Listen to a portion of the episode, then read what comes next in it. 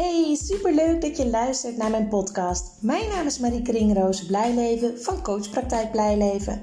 Ik ben motivatiespecialist voor tieners en hun ouders. In deze podcast geef ik informatie, inspiratie, tips en tools voor meer positiviteit in de puberteit. Het is namelijk mijn missie om het onnodig afstromen, dubleren en zakken voor het eindexamen terug te dringen in heel Nederland. Ik weet inmiddels uit ervaring dat als het contact tussen ouder en tiener positief is, dat dat direct effect heeft op het welbevinden en de schoolresultaten van een tiener. Een motivatieprobleem is namelijk een gevolg, geen oorzaak. Enjoy!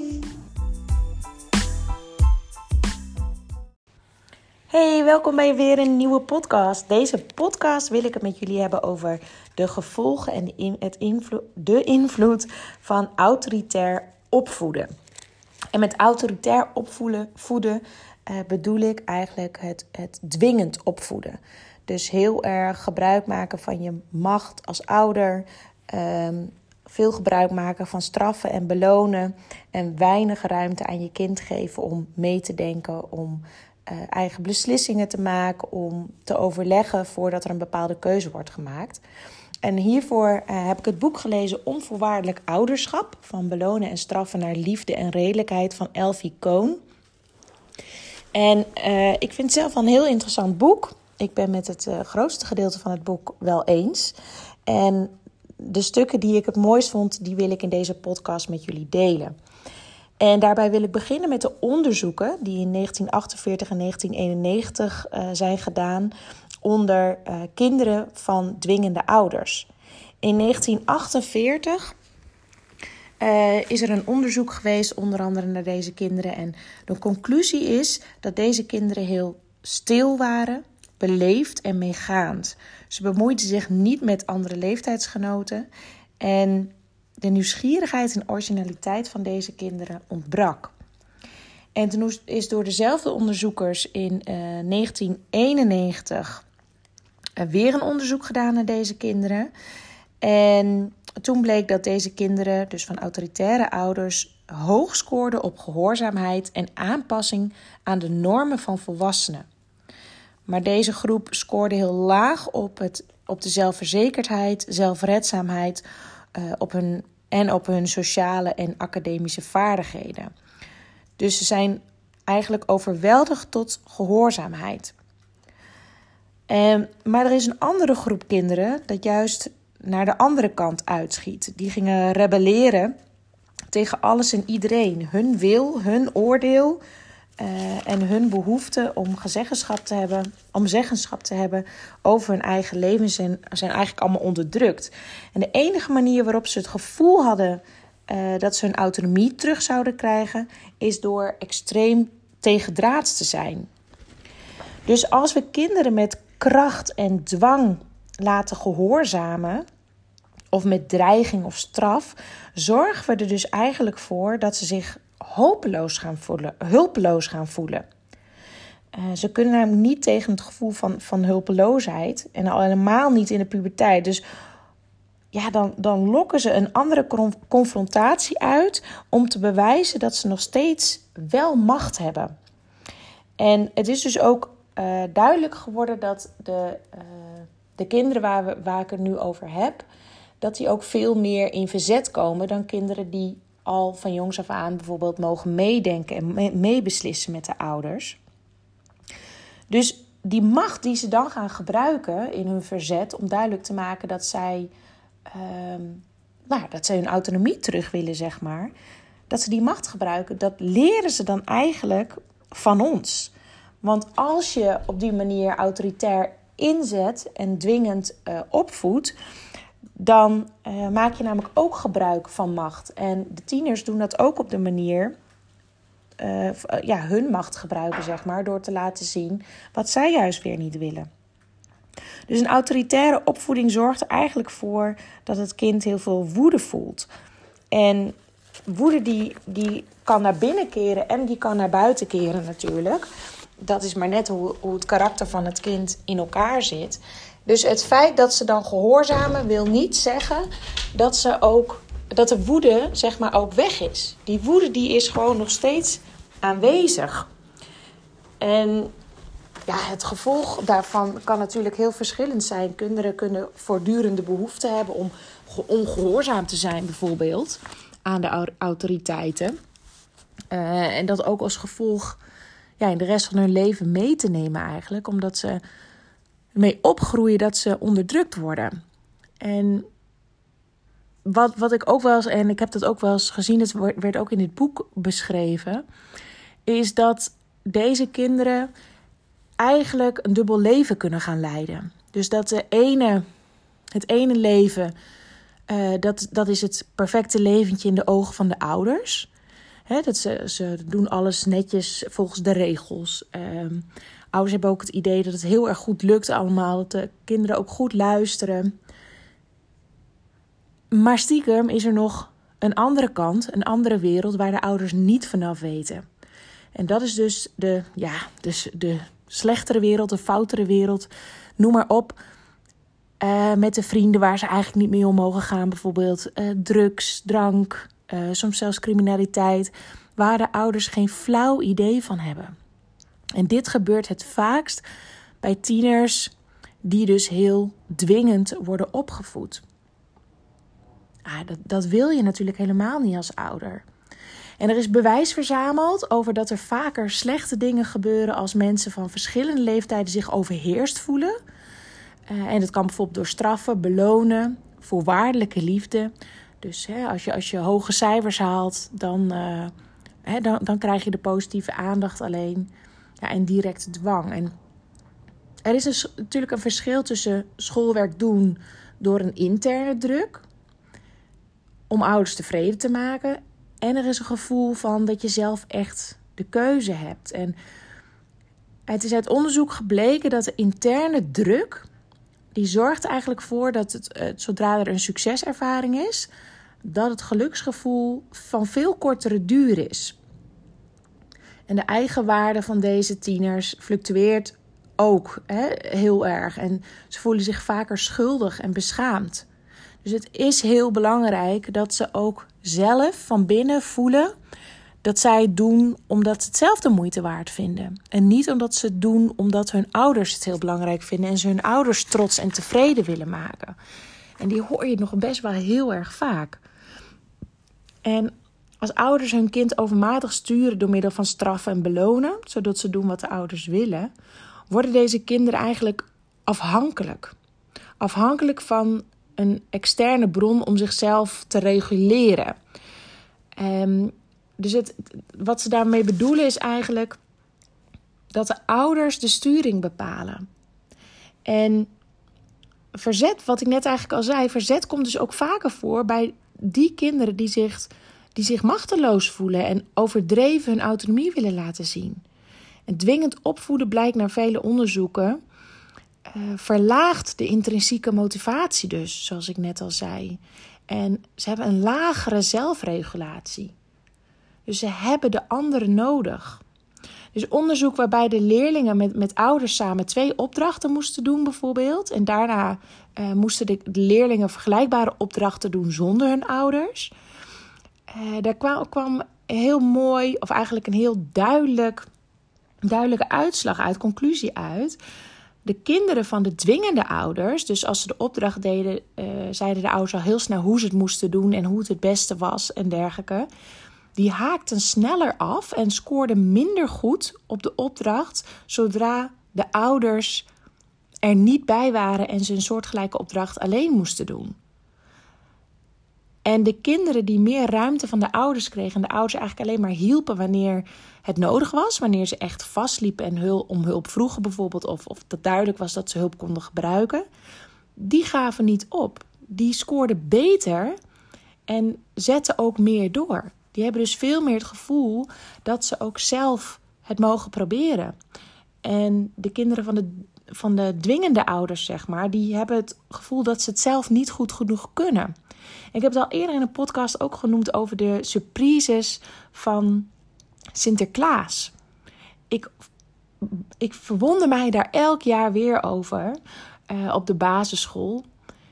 Dat er ontzettend veel ouders zijn die de surprises voor hun kinderen maken. En dan zeggen ze: We hebben het samen gedaan met mijn ouders. Maar je ziet aan de surprises dat ze voornamelijk door de ouders zijn gedaan. En welke boodschap geef je dan als ouder? Laat mij maar doen. Ik kan dit beter. Jij kan dit nog niet zo goed of niet zo netjes. En dat is niet wat we onze kinderen willen meegeven, hoe goed we het ook bedoelen en hoe lief we het ook bedoelen. Het is niet wenselijk. Natuurlijk is het ook niet wenselijk om de kinderen zichzelf te laten opvoeden. Hè? Het gaat om het samen doen. Het, het, ehm, de rol van ouders eigenlijk is om te helpen zelf controle over hun leven te krijgen. En ze zeggen in dit boek ook: bekrachtiging is eigenlijk ons, ons doel. Dus onze tieners leren om zelf controle over hun leven te krijgen.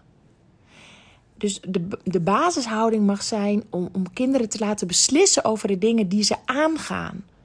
Als je dat niet vindt, als ze dus niet mogen meebeslissen, dan moet je goed kunnen verantwoorden waarom niet. Zo heb ik ook regelmatig in mijn praktijk gehad dat er een tiener met heel veel weerstand binnenkwam. En nou ja, daar speel ik dan direct op in natuurlijk. Ik vraag, joh, of ik benoem wat ik zie. Ik, ik zie dat je helemaal geen zin in dit gesprek of, of, of ik zie dat je boos bent. En het geeft mij het gevoel dat je geen zin in dit gesprek hebt, maar misschien zit ik ernaast. Joh, wat is er aan de hand? Ja, en ik heb vanmorgen opeens gehoord dat ik hierheen moet. En ik had al andere plannen en ik wist dat helemaal niet. Ik snap dat dan volledig dat ze in weerstand zitten. Het is hun afspraak, maar ouders hebben hun niet betrokken bij het maken van deze afspraak. En dat is wel belangrijk, want het gaat hun aan. Het gaat over hun. Dus het is heel belangrijk om je kind zoveel mogelijk te betrekken bij zaken die je tiener aangaan. Want als onze behoefte of de behoefte van de tiener aan autonomie steeds wordt gefrustreerd, dan leidt dat natuurlijk tot ergernis. Maar als het, als het consequent is en heel vaak en eigenlijk bijna ja, gewoon, laat ik het zo zeggen, dan kan het echt leiden tot depressies en mentale ziektes. En ook op school hebben deze leerlingen de neiging om niet zo diepgaand na te denken en niet zo geïnteresseerd te zijn in, tijdens de lessen. Want ze hebben toch weinig te zeggen over wat ze leren. En dit zijn eigenlijk allemaal ja, gevolgen van heel dwingend zijn. En nou is het natuurlijk een enorm proces om te zoeken van ja, wanneer uh, moet je een grens trekken en wanneer niet. Hè? Dat is ook echt een van de meest gestelde vragen uh, tijdens mijn ouderavonden uh, over, over opvoeden. Wanneer stel ik een grens en wanneer laat ik los? En ik zeg altijd: los vasthouden is het mooiste wat je kan doen. Ruimte geven en bijsturen als je ziet dat dat wenselijk is. En met huiswerk en schermpjestijd is dat, zijn, dat zijn eigenlijk de lastigste thema's. Hè? Want je ziet dat ze bijvoorbeeld hele dagen aan het gamen zijn en niks aan hun school doen. Ja, wanneer grijp je in? En ik zal je eerlijk zeggen, ik vind het ook nog steeds elke dag weer een uitdaging. En wat kan je dan doen? Je kan natuurlijk de wifi eruit trekken. Je kan de controllers verstoppen.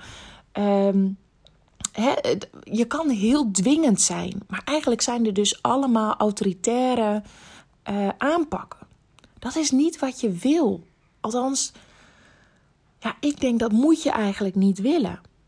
Wat heel mooi is, is om op een rustig moment, wanneer iedereen gewoon oké is, met elkaar om tafel te gaan, letterlijk, en op tafel te gooien wat je ziet, wat je zorg is en dat je wil kijken hoe jullie afspraken kunnen maken die voor alle partijen oké zijn.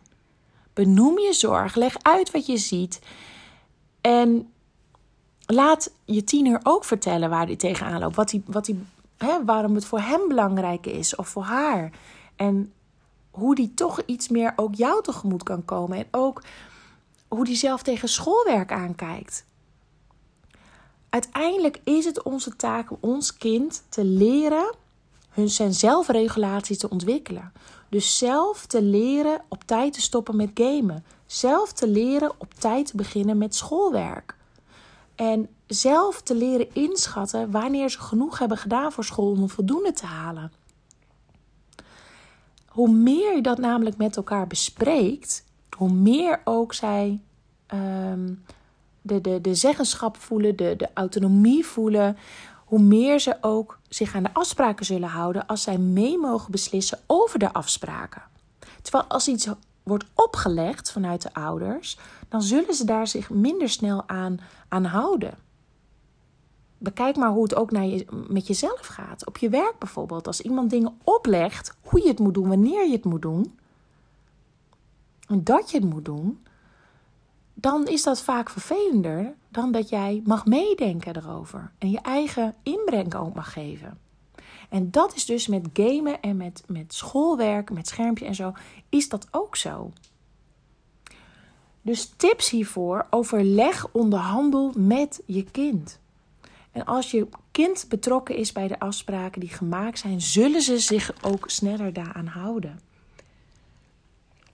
Nou, en dan zal je misschien denken: ja, oké, het klinkt allemaal heel leuk, maar soms moeten ze ook gewoon dingen die ze niet willen. Hoe doe je dat dan? Nou, een aantal tips, vijf tips. De eerste is: gebruik de minst ingrijpende methode. Wees eigenlijk zo, zo aardig en mild als je kunt. Dus overweldig het kind niet met je macht. Dat is eigenlijk een belangrijke. maak niet het misbruik van dat jij de ouder bent en dat jij het bepaalt voor het kind. Als je merkt dat je kind in een slechte bui is en gaat schelden en schreeuwen en brutaal doen, dan is, dan is de, dan, dan begrijp ik heel goed dat je op diezelfde manier terug wil gaan doen en dat je direct eroverheen wil gaan met schreeuwen en dergelijke. Maar blijf rustig. Het waait over. Laat je kind even in de slechte bui. Geef, geef even die ruimte en blijf rustig. En geef aan wat jij wilt dat er gebeurt en waarom. En loop desnoods daarna weg. Geef je kind de ruimte om daarna de actie uit te voeren. En de ene keer werkt dat en de andere keer werkt dat niet. Maar het belangrijkste is dat jij respectvol blijft omgaan met je kind. Daarin ben je namelijk ook direct een, een voorbeeld. En dat is ook direct het volgende punt. Geef zelf het voorbeeld van het gedrag wat jij ook graag bij je kind wil zien. Wil je niet dat je kind gaat schreeuwen en schelden, doe het zelf dan ook niet. Wil je dat je kind met jou gaat overleggen voordat hij iets gaat doen, doe het zelf dan ook. Onze kinderen of überhaupt kinderen, pakken veel meer op van wat ze van ons zien qua gedrag dan wat wij hun zeggen met woorden. Dus geef zelf ook het voorbeeld wat jij van je kind wil zien. Dat is de tweede. De derde, wees eerlijk. Als je wil dat je kind iets doet waarvan je weet dat je kind het helemaal niet leuk vindt, bijvoorbeeld de prullenbak buiten zetten of uh, als ze aan het gamen zijn en, en ze moeten even een klusje in huis doen of iets dergelijks. Doe dan niet alsof het iets leuks is, maar wees eerlijk. Benoem dat je weet dat, dat hij veel liever wil blijven gamen en dat je nu een klusje hebt die hij vervelend vindt enzovoort. Toon erkenning voor zijn gevoel en dat hij baalt, maar wees gewoon eerlijk. En de vierde is: leg de reden uit in plaats van omdat ik het zeg of mijn huis, mijn regels. Die laatste die hoor ik heel vaak, of die hoor ik niet heel vaak, die zie ik heel vaak op Facebook bij uh, van die groepen van, uh, van moeders van tieners bijvoorbeeld. Zolang die in mijn huis uh, woont, zijn het mijn regels. Maar dat is dus heel erg een autoritair iets. Je dwingt. Je leeft met elkaar in één huis. En daarom is het heel waardevol om met elkaar te overleggen. En met elkaar ervoor te zorgen dat voor iedereen dat het fijn is. Dus leg je reden uit waarom iets moet, ook al wil je tiener dat niet. En dan de laatste, nummer 5. Geef ze zoveel mogelijk keuzes. Als je ze keuzes geeft, en dan ook echte keuzes, ehm, dan, dan heeft dat gewoon. Dan, ja, dat, dat doet iets met je autonomie. Dat je een aantal keuzes geeft wanneer dat mogelijk is. Dus geef ze die ruimte om inbreng te geven. Dus nog even op een rij. Gebruik de minst ingrijpende methode. Wees zo aardig mogelijk en blijf rustig. De tweede, geef zelf het goede voorbeeld van wat je ook bij je kind wil zien qua gedrag. De derde, wees eerlijk en geef erkenning voor het gevoel. De vierde, leg de reden uit in plaats van omdat ik het zeg of mijn huis, mijn regels. Leg gewoon uit waarom, die waarom je tiener dat moet doen, ook al wil die niet. En de laatste, geef ze zoveel mogelijk keuzes. En het belangrijkste is om eigenlijk, tenminste dat, dat zo zie ik het, hè, van alles wat ik nu heb verteld over de autoritaire opvoeding, is dat het dus grote gevolgen heeft als je kind heel erg dwingend wordt opgevoed. Dat ze dus dat het, het zelfverzekerdheid die, die, die wordt veel lager. De zelfredzaamheid wordt lager. De sociale en academische vaardigheden die zijn ook lager. Dus het is belangrijk om je kind nu al ruimte mee te geven, keuzes te geven, eh, mee te laten praten, mee te laten discussiëren. Om ook te leren dat ze wat te zeggen hebben in deze wereld. En dat ze belangrijk zijn, dat ze ertoe doen. En dat het niet zo is dat iemand boven jou staat, alles mag beslissen voor jou. Maar dat, dat ze mogen ervaren van wat vind ik hiervan? Hoe kijk ik hier tegenaan? Hoe zou ik dit oplossen? In plaats van dat ze ja, zich, zich hulpeloos voelen. Ze willen zichzelf redzaam voelen. En daarom is het belangrijk dat je je kind mee laat denken. En nogmaals, niet zichzelf laten opvoeden. En ook met die schermpjes en het gamen en dergelijke. Het blijft continu een zoektocht. Het zoeken naar balans. Wanneer moet ik eventjes een schop onder de kont geven, bewijzen van. En wanneer laat ik het weer even vieren. En dat is eigenlijk dat los vasthouden. En ja, dat, is eigenlijk een hele, dat zijn eigenlijk de belangrijkste dingen die jullie wilden vertellen uit dit boek. Um, en dat op die manier, als je ze meer ruimte geeft, zullen ze ook meer interne motivatie voelen, ook voor school. In plaats van de interne druk om te moeten presteren, waardoor ze uiteindelijk dus sneller afhaken. Denk aan die onderzoeken die ik vertelde. Ik vond dat prachtige onderzoeken toen ik dat las. Dacht ik ja. Dus kinderen met dwingende ouders haken sneller af, geven sneller op en kinderen die dus meer ruimte hebben, geven, eh, die, die scoren dus beter en zetten meer door. Uiteindelijk, als je het allemaal zo hoort, klinkt het ook best logisch, vind ik. En ik heb het dus niet over af en toe dwingend. Ik heb het over consequent dwingend opvoeden. Dus probeer om niet uh, je macht te gebruiken in te zetten en te dwingen. En dit doen we sneller dan we denken. Allemaal, denk ik. Oké, dus het gaat om bewustwording, inzicht krijgen, helderheid krijgen en daarover met elkaar hebben. Dat is eigenlijk het mooiste. En nogmaals, opvoeden is een zoektocht, opgroeien is een, is een zoektocht. Ik denk nooit in goed of fout, maar meer in inzicht te krijgen en daar een weg mee ja, in vinden, zeg maar, zodat je het zo kan doen, zodat het goed voelt. En dat je kind zich ook optimaal kan ontwikkelen. Oké, dit was hem weer van vandaag. Ik wens jullie een hele fijne week en ik spreek jullie woensdag weer. Doei doei.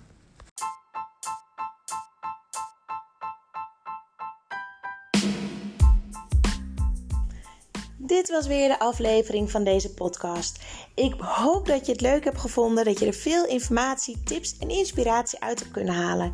Ik ben ontzettend benieuwd wat jij van deze podcast vond en wat je eruit hebt gehaald. Want ik neem ze op, maar ik wil heel graag weten hoe het is voor jou als luisteraar om dit allemaal te horen.